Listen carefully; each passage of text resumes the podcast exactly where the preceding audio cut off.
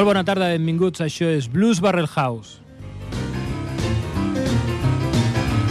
Transmitint en directe des de Ripollet Ràdio al 91.3 de la freqüència modulada i també a www.ripolletradio.cat.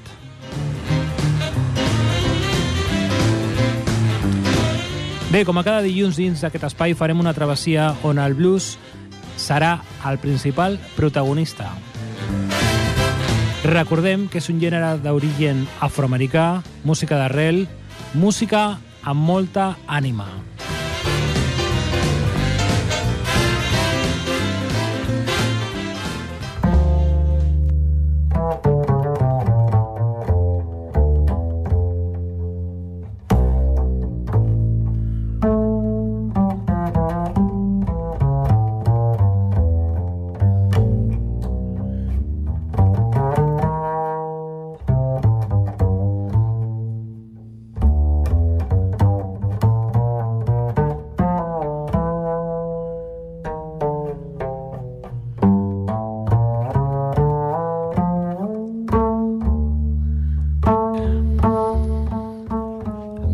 Bona tarda. Comencem i acabem. Comencem perquè comencem el programa i acabem la temporada, desembre, Nadal. Eh, comencem el que serà el darrer programa d'aquest fatídic 2020. Aquest fatídic any eh, on la cultura eh, s'ha sentit tan perjudicada. També molts sectors, però jo parlaré del que em pertoca, que és el de la cultura. Bé, és comprensible, és una situació delicada, hem de curar-nos, hem de cuidar-nos, eh, la sanitat és el primer, però les, la salut mental també és molt important. Tots els, els negocis, eh, els bars, les sales d'espectacles, la música, els tècnics de so, tota la gent que, que es mou dins d'aquest món, doncs eh, la veritat que serà un any per oblidar. Només desitgem que el 2021 sigui molt millor i ens oblidem ràpid de, d'aquest malson. I avui tenim un convidat de luxe, tenim un amic, un molt bon amic, un senyor que es diu Lluís Salvador. Lluís Salvador, què tal, com estàs? Bona tarda, molt bé. Eh, com ho portes? Bé, eh, primer m'agradaria presentar-te. Lluís Salvador és, és músic, és contrabaixista, també toques el baix, el baix elèctric. Efectivament. És un bon amic, el vaig conèixer ja fa uns anys, ara parlarem una miqueta sobre això. Què tal, com has portat aquest any? Lluís. Bé, ha sigut un any molt estrany, molt atípic, eh, aguantant tot el que he pogut. Sí, un any, la veritat, que serà difícil d'oblidar-ho. Bé, de fons estem escoltant a, el gran Horacio Fumero, eh, al contrabaix. Eh, el contrabaix perquè una mica en homenatge al convidat que avui tenim aquí. I estem escoltant un tema de fons que es diu Contrabajeando. Anem, anem a escoltar una miqueta.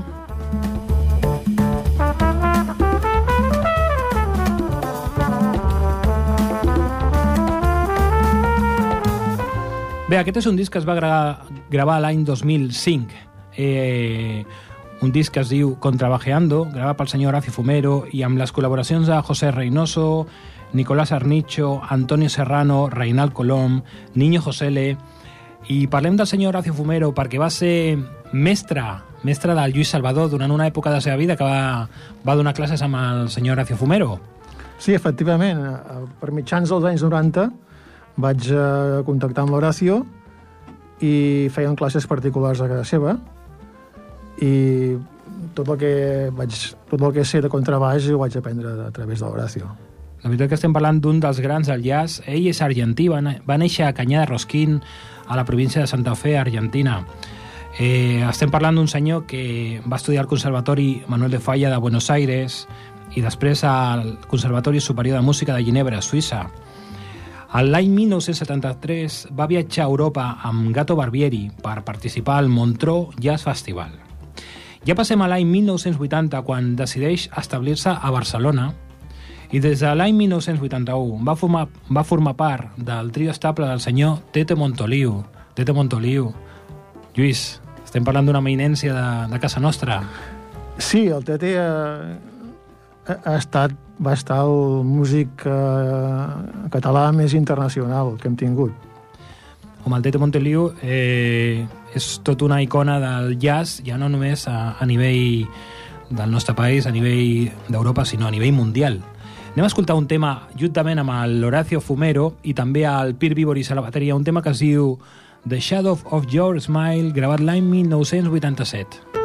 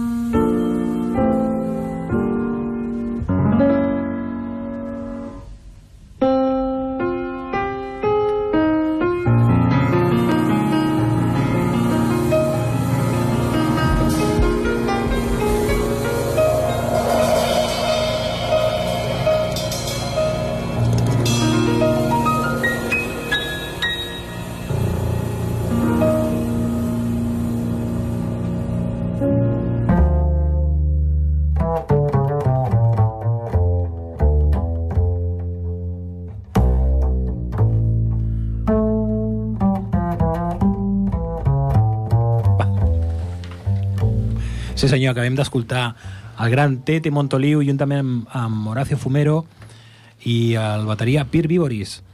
Eh, jo amb el Lluís Salvador, que és el convidat que tenim avui aquí a Blues Barrel House, que avui parlarem una mica de jazz també, no només de blues, eh, tinc algunes anècdotes. De fet, me'n recordo, parlant del Pir Viboris, Mm.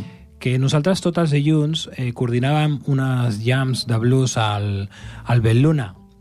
Aquest era un club que estava a la Rambla Catalunya número 5 i vam estar allà, doncs, no ho sé, uns 5 anyets, més o menys. Mm. Cinc o sis. 5 o 6, no? Me'n recordo que un dilluns estàvem a la Jam Session, que coordinàvem nosaltres, estàvem tocant, i de cop i volta, bueno, justament aquell dia va morir el senyor Pir Viboris. I estàvem allà a la Jam Session i es va pujar un senyor amb un, un instrument que era una flauta travessera, potser, un senyor que es diu Pardo, Jorge Pardo, Jorge Pardo. bueno, una eminència del, del jazz. I la veritat que en aquell moment es vam quedar una mica parats pensant qui és aquest senyor que, no, que es podia tocar la flauta? Però déu nhi estàvem parlant de, del mateix Jorge Pardo. Lluís, eh, tu realment vas començar tocant el baix i el heavy, o sigui, estil heavy i et vas passar al contrabaix amb el jazz. Com, com va ser aquest canvi? Efectivament, jo vaig començar tocant hard rock i heavy metal amb la gent de Vilassar de Dalt, amb el Quimi, i a Mataró amb el Jesús Sánchez, que havia sigut cantant de Hot Panocha, era el grup del Jordi Marquès, i amb aquesta gent vaig començar, però vaig estar 5 o 6 anys tocant heavy metal, Mm -hmm. i després em vaig passar al jazz, sí, per, per experimentar nous estils i, i bé. Però vas, vas veure alguna actuació, algun moment que t'inspirés o saps, un punt d'inflexió que digues, hòstia, he vist un contrabaixista o, o vaig escoltar algun CD, algun disc o algun en concret? Concretament, el, sí, el Pedersen. Pedersen, Aquest- hòstia. Wester Pedersen, aquest em va influir. Sí senyor, ara parlarem d'ell. Bé, el contrabaix eh, és un instrument que està molt present tant a la història del jazz com, com del blues i un gran referent sobretot del blues, el senyor Willie Dixon. Seré breu perquè ja hem parlat d'ell, però Willie Dixon va néixer l'any 1915 al Mississippi. Després d'una complicada adolescència va arribar a Chicago, on va aconseguir ser tot un referent del celler Chess, Chess Records, i un gran, gran compositor i productor. Anem a escoltar un tema del senyor Willie Dixon que es diu Little Red Rooster. I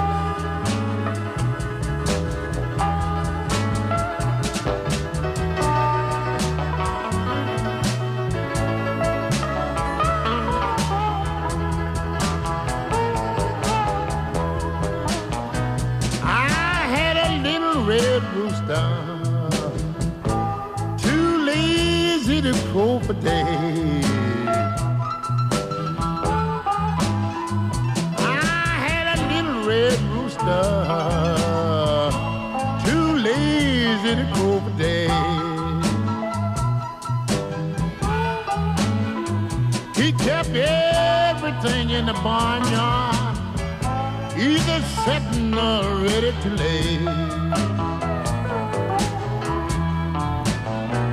You know the dogs begin to bark and the hounds they begin to howl. You know the dogs they begin to bark and the, the hounds they begin to howl.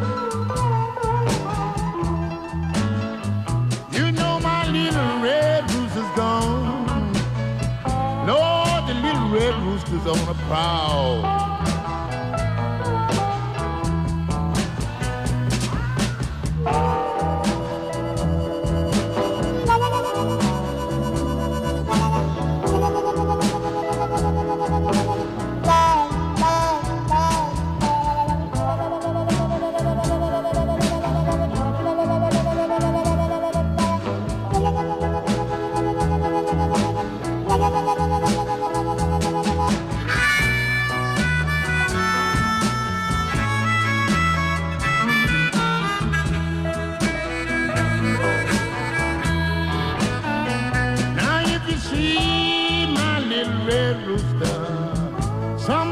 Somebody please drive him home. Now if you see my little red rooster, somebody please run him home. There ain't been no peace in the barnyard since my little red rooster been gone.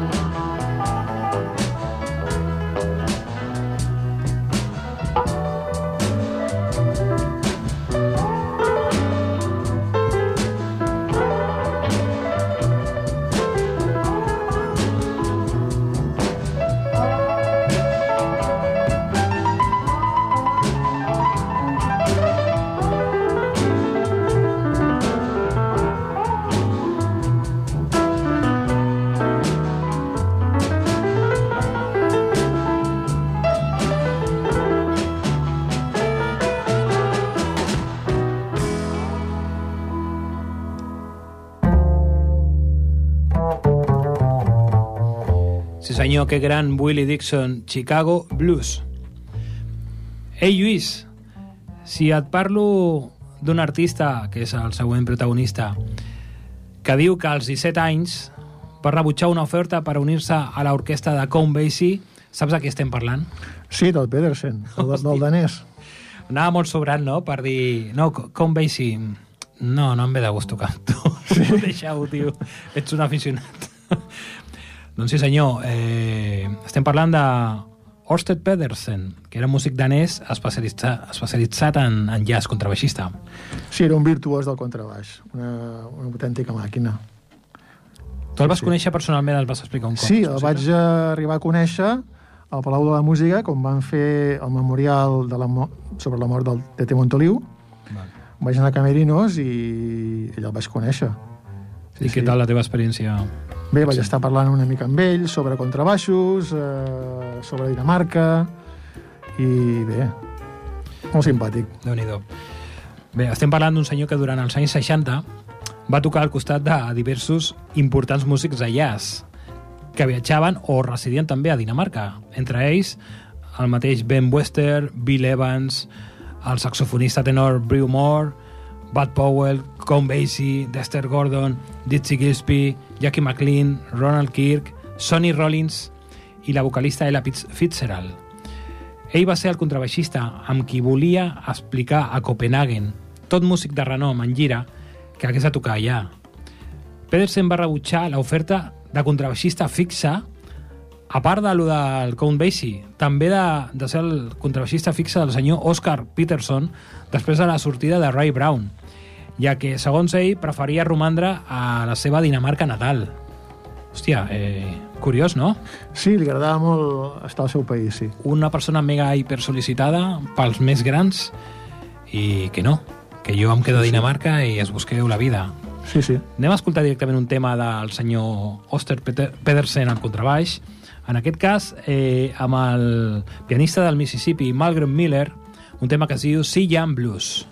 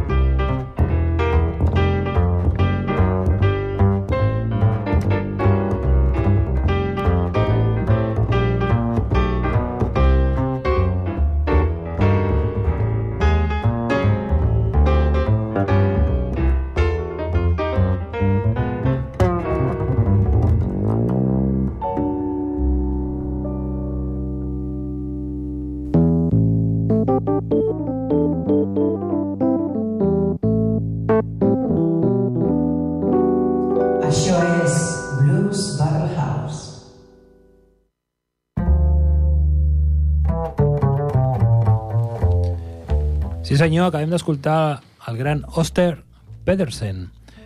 I encara que sigui un contrabaixista de jazz, jo escolto molt de blues també. Eh, Lluís, no et passa?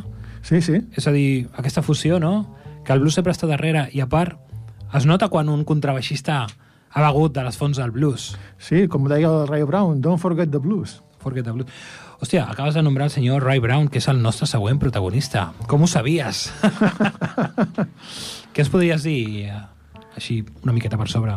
Bé, el Ray Brown és el, el mestre de l'afinació, del groove, eh, del mètode, un personatge clàssic de, del jazz. Bé, un gentleman. Com un senyor que tenia molt de groove, Molt. aguantava tot el pes de la banda de la formació. Bé, per una miqueta d'ell, és un senyor que durant les dècades dels 50 i dels 60, que ja estava instal·lat permanentment en l'establishment jazzístic novaiorquès, i va gravar per a innombrable, innombrables artistes de renom com Quincy Jones, Mill Jackson, Lionel Hampton, Barney Kessel, però va ser la seva associació amb el gran pianista Oscar Peterson el que l'establiria definitivament com un dels grans gegants del contrabaix. Els enregistraments que Brown va efectuar al costat de Peterson durant la dècada dels 60, gaire- gairebé totes sota el celler Verve, figuren encara avui en dia entre els exemples més rellevants de l'art del trio en el llenguatge hard bop, i són citades una vegada i una altra per historiadors i crítics com a exemples quintessencials del gènere. Efectivament. O sigui, estem parlant de paraules majors, no? És a dir, si Ray parles Brown del ha sigut un contrabaix... dels grans de, del contrabaix, dels més grans, sí. déu nhi Anem a escoltar un tema, en aquest cas, amb el senyor Mill Jackson, de Pink Panther.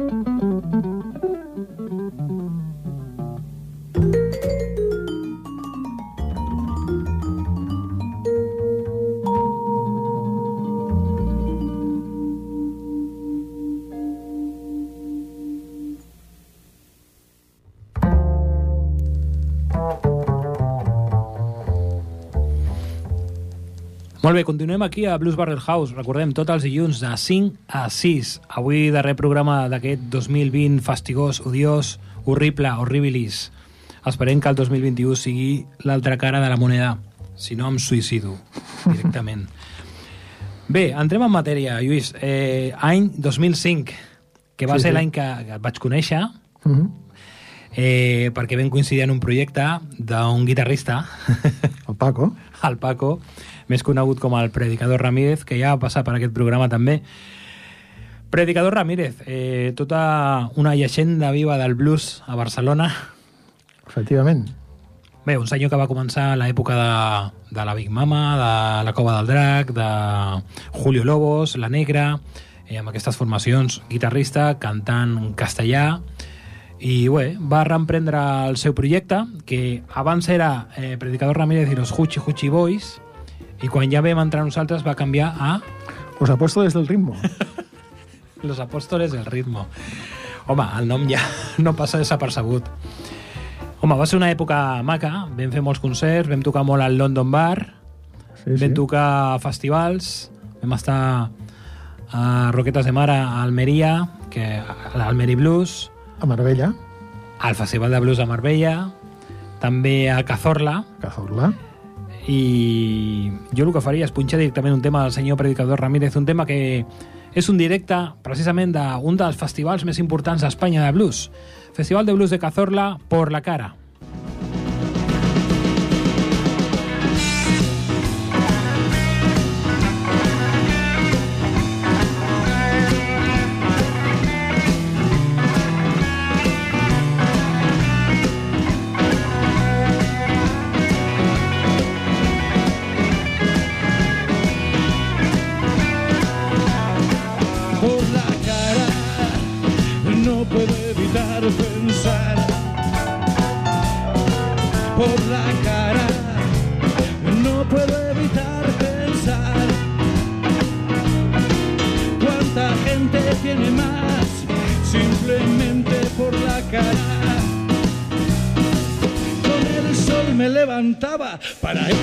Trabajar y cuando el sueldo cobraba no me llegaba para nada. Joder, Paco, Pa' nada. que tocar más bolos. Por la cara no puedo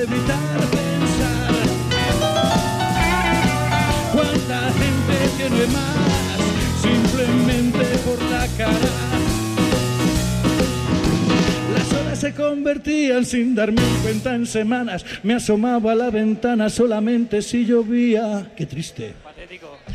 por la cara. No puedo evitar pensar cuánta gente tiene más simplemente por la cara,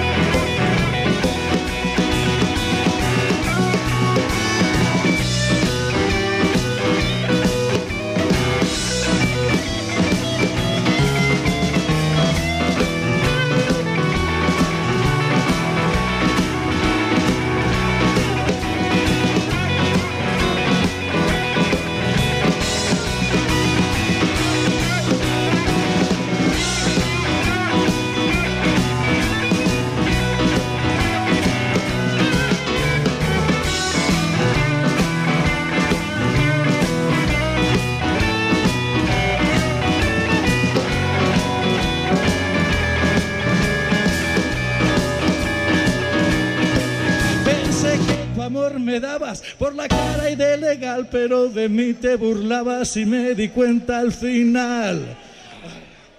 Por la cara no puedo evitar pensar cuánta gente tiene más simplemente por la cara.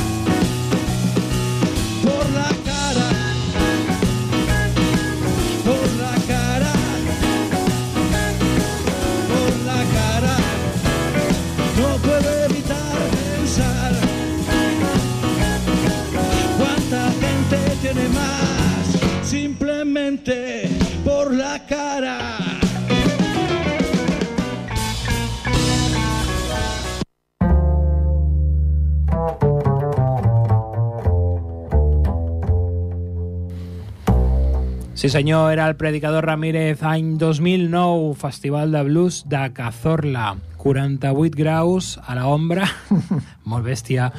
Estava el rei en el Vilardell a la bateria, eh, tota una assegurança darrere, una base rítmica potent amb el Lluís Salvador al contrabaix, el Paco Ramírez, més conegut com Predicador Ramírez a la guitarra, i jo, David Giorgelli, al piano. La veritat que tenim un bon record. Quins records tens d'aquella època, Lluís? Molt bons records, va ser una època molt maca, i eh, vaig descobrir els festivals de blues, varen fer molts de bolos i molts bolos importants i macos, molts de festivals, i ho recordo molt, molt, molt, molt bé. Sí, bueno, de fet estem parlant d'un projecte que encara està viu. És a dir, ha tingut algunes petites metamorfosis, però ara mateix el Lluís Salvador és el baixista un altre cop de Predicador Ramírez.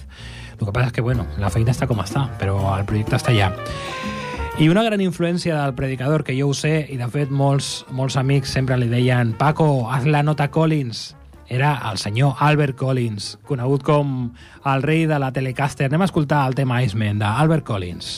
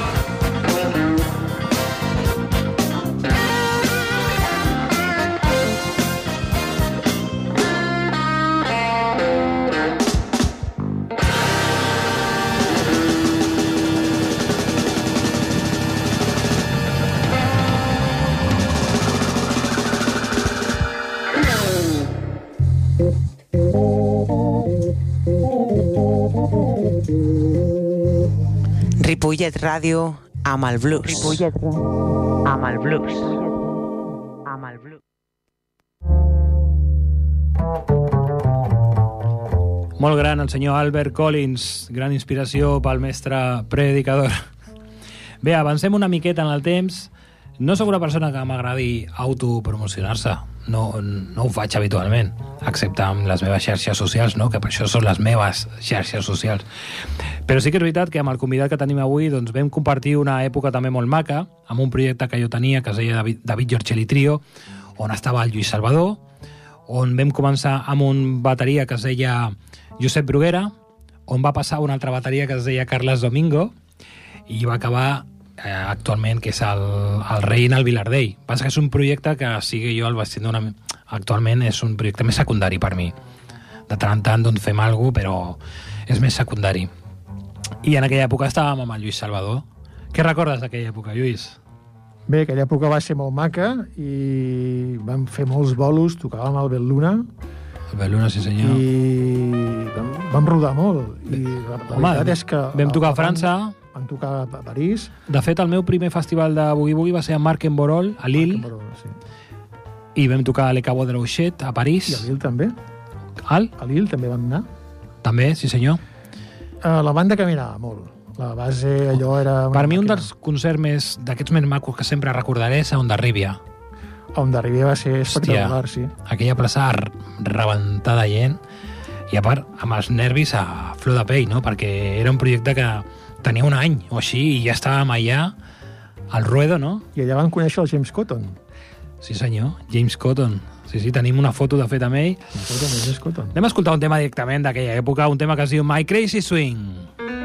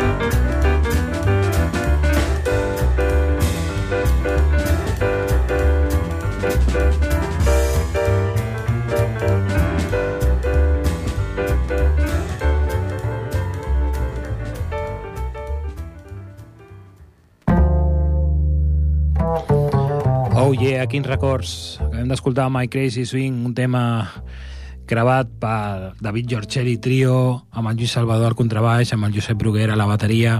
Aquest és, un disc de l'any 2007, gravat a Rosa Azul. I ja està. No vull parlar més de mi. Ha estat el primer i últim tema. No m'agrada parlar de mi. No vull parlar de mi, tio. A mi no em paguen per parlar de mi. Que et quedi clar. Quines van ser les teves influències blueseres, Lluís? Bé, el primer disc de blues que vaig tenir va ser un disc de B.B. King que es diu B.B. King in London Sí, senyor. i també el John Mayall amb els Bruce Breakers i Eric Clapton. Vaig entrar una mica amb el rotllo britànic. El British, no? El British, sí. British Bacon. Pants and Company. Doncs estaves mencionant el B.B. King a Londres. Eh, Déu-n'hi-do. Eh, estem parlant del 19è àlbum de- d'estudi del senyor B.B. King, que precisament el va gravar a Londres l'any 1971, on li acompanyen músics de sessió americans i també britànics, de rock i rhythm and blues, inclosos el senyor Ringo Starr. Sí, sí, el Ringo Starr estava a la bateria Hòstia, i com que m'agradaven molt els Beatles, mai, mai m'hauria imaginat que B.B. King va gravar amb Ringo Starr. doncs per això vaig entrar, sí. Hòstia. Sí, sí, bueno, normal. Doncs anem a escoltar un, un tema d'aquest àlbum, un tema que es diu We Can Agree.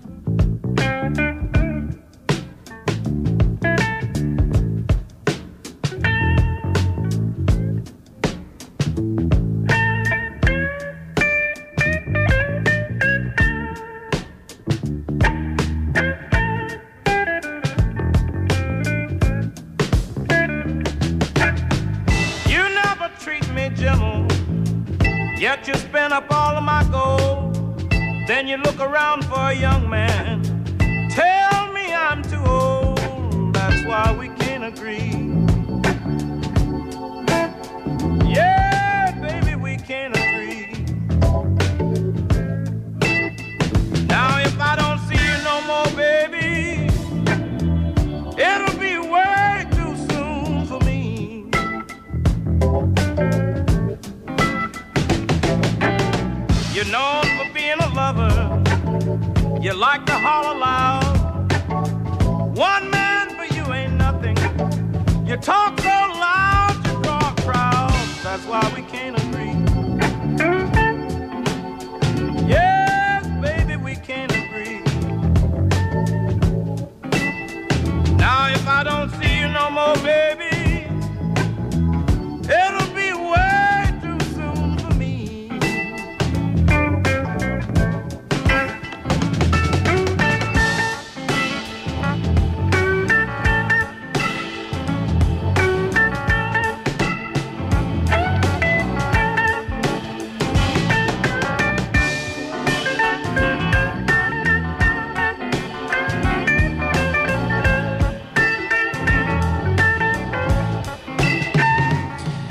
Ok, senyors, doncs ara sí, ens anem acomiadant. Ha estat un plaer, ha estat un plaer poder estar aquí tots els dilluns amb vosaltres. El meu nom és David Giorcelli, el tècnic de so, com sempre, el senyor Jordi Puy.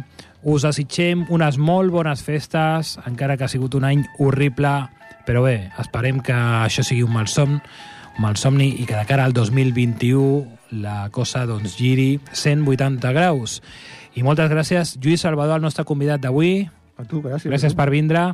Per cert, a part de ser un gran músic, el Lluís també té una faceta literària. Has escrit un llibre, tinc entès. Sí, he publicat un llibre, sí, sí, que De- es diu La musa del silencio Uh -huh. i va sobre poesia. Sobre poesia, molt interessant. El Lluís té el seu propi Instagram, per si voleu conèixer una miqueta més, seria Salvador Lluís, Sí, arroba Salvador Lluís, el podeu trobar a l'Instagram, i si no, també el podeu trobar al, a l'Instagram de Blues Barrel House, que avui mencionaven que vindria el senyor Lluís Salvador.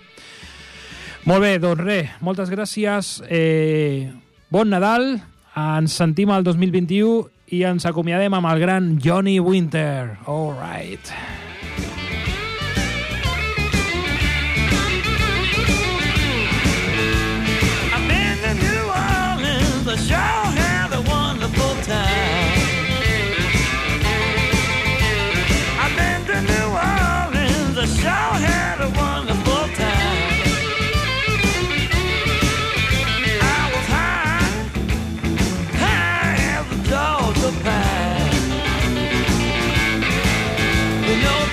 She kept me down on Rampart Street. I seen everybody that I wanted to meet.